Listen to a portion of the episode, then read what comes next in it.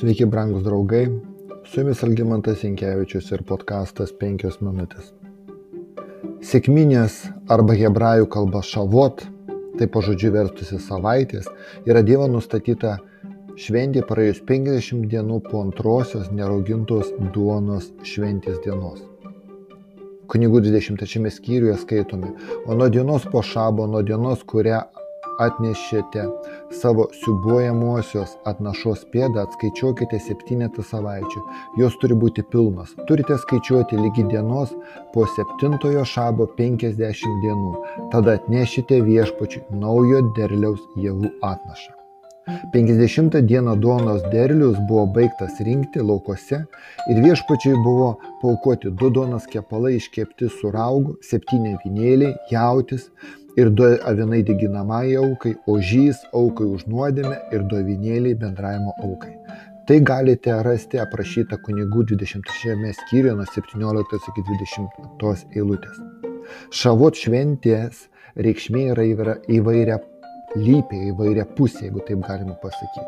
Viena vertus, tai padėka Dievui už derlių ir jo rūpestį, bet to rūpinamasis e, ne tik savimi, bet ir mažiau pasiturinčių kaimynų.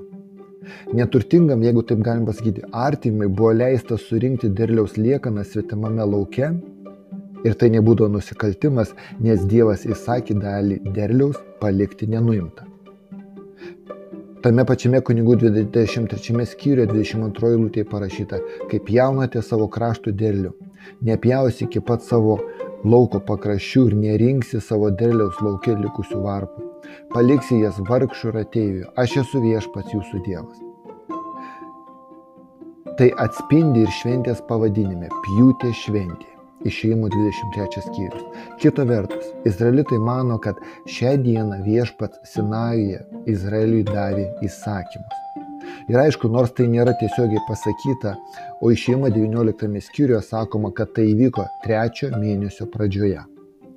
Taigi, Be to iš šavot reikėtų žvelgti plačiau išganimo istorijos požiūrį. Jei pascha, mūsų vadinamos Velykos, nurodė išgelbėjimą ir išteisinimą, o nerauginta duona į pas, pašventinimą, Kodėl taip sakau? Todėl, kad turime prisiminti Pauliaus žodžius, tad šveskime šventės ne su senu raugu, ne su blogybės ir nelabumo raugu, bet su nerauginta tyros širdies ir tiesos duona. Tada, ką nurodė šitą šventę?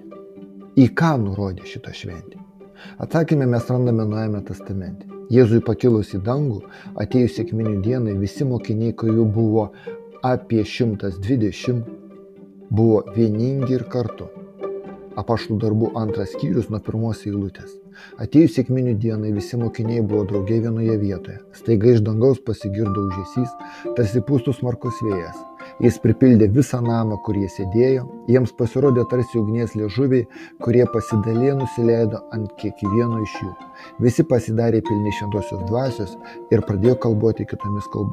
kitomis kalbomis, kaip dvasia jiems davė prabilti. Tada mokiniai nuvyko į Jeruzalę ir skalbė Evangeliją įvairiomis kalbomis. Po drąsaus Petro pamokslo apie 3000 žmonių atgailavo ir buvo pakrikštyti. Apaštalų darbų antras skyrius 41 eilutė. Be to, Jie buvo ne tik pakrikštyti, jie gavo šventosios dvasios dovaną.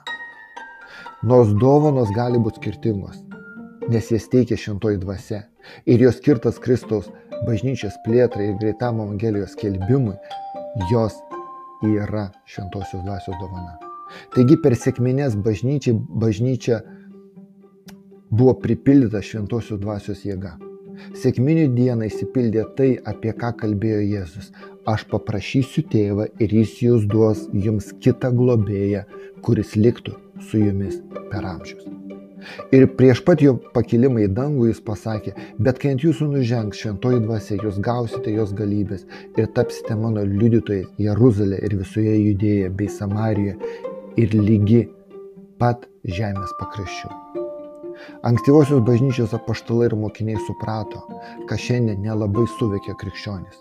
Išganimas nėra galutinis krikščionio taškas, nes dvasia tikinti apdovanoja savo dovanomis dėl tarnavimo pasauliui ir Evangelijos kelbimui.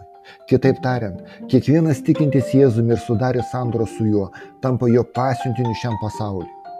Apaštalas Paulius tai puikiai suprato, kai iškart po atsivertimo ir krikšto jis pradėjo skelbti Evangeliją. Vėliau jis pasakys, kad aš skelbiu Evangeliją, neturiu pagrindo girtis, nes tai mano būtina prievolė. Ir vargas man, jei neskelbčiau Evangelijos. Brangus draugai, Biblijoje sakoma, kad jei žmogus atgailavo ir buvo pakrikštytas, jis gauna dvasinių dovanų, kurias būtina pritaikyti ir plėtoti.